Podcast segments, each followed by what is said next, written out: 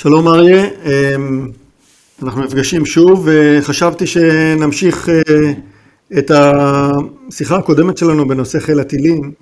אה, הנושא הזה מעניין וכדאי שניתן לו עוד נגיעה. כן, בהחלט. הנושא הזה עלה לראשונה כשאביגדור ליברמן היה שר הביטחון. הוא העלה את הרעיון של חיל טילים, שישחרר את חיל האוויר מטווחים של עד 300-350 קילומטר. אחר כך הנושא נפל לטענת יודעי דבר בגלל התנגדות חיל האוויר שחשש שהתקציבים ילכו לשם ולא אליו.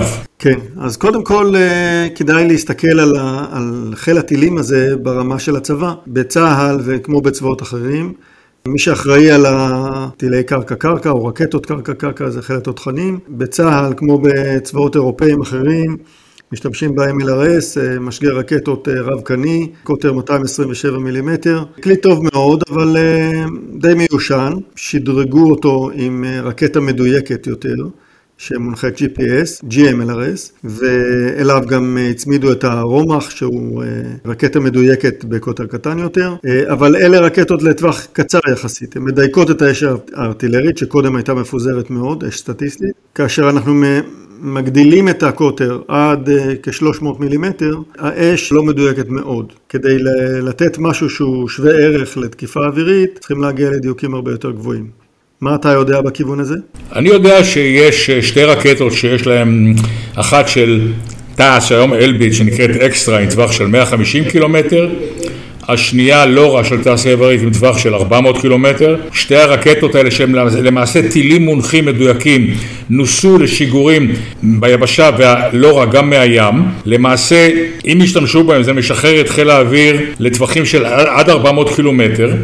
ב-CEP נמוך מאוד של בסביבות חמישה מטר אה, דיוק פגיעה, אבל עוד פעם, אה, הייתה התנגדות, עכשיו הנושא עלה מחדש. אני לפני אה, כשבועיים ראיינתי את ראש מטה חיל האוויר, תת-אלוף ניר ברקן, שאלתי אותו על הנושא, והוא אמר לי שחיל האוויר לא מתנגד, הוא רואה בזה כוח משלים ליכולות של חיל האוויר. כן, אני חושב שבהחלט היכולת הזאת היא משלימה. הרקטות המדויקות מאפשרות תקיפה בכל מזג אוויר, כיוון שהרקטה צוידת בראש אה, ביוט, GPS או בניווט אינרציאלי. הוא יכול לתקוף אה, גם במצב כיסוי עננות גבוה, הפרעות כאלה ואחרות, ללא צורך שמטוסי קרב יתקרבו למקום. כדאי לזכור שטילים אלה פועלים בווייטנאם. אה, ומגינים על אה, רצועות איים של אה, וייטנאם כנגד פעילות ימית עוינת, שלרוב היא מגיעה מסין. כך שהיכולת הזאת היא יכולת מעניינת. גם האזרים רכשו את הלורה, הם הציגו אותה בצורה פומבית, וגם השתמשו בה בקונפליקט, בעימות האחרון, לתקיפה של מטרות נקודה. התקיפה שזכורה לי לפחות הייתה ב... תקיפה של גשר על, אה, במעבר לצ'ין, זה מעבר אסטרטגי שמחבר בין אה, ארמניה לחבל נגורנו קרבאח, והזרים ניסו, ללא הצלחה יתרה, אה, להרוס את הגשר הזה. הם הצליחו לפגוע בו ולשתק נתיב אחד, אבל תנועה עדיין המשיכה שם, אם כי הרבה יותר דלילה. אז היכולות האלה הראו באמת יכולות תקיפה מתקדמות בטילי קרקע-קרקע. בעבר נדרשו כלי טיס לעשות את העבודה הזאת.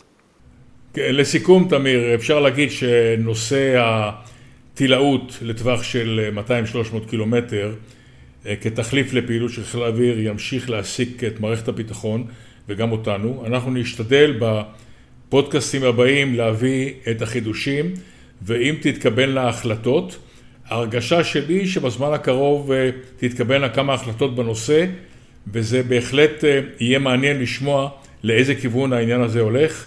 בינתיים תודה רבה ונמשיך לעדכן אתכם בהמשך. אז תודה רבה ונתראה בפודקאסט הבא.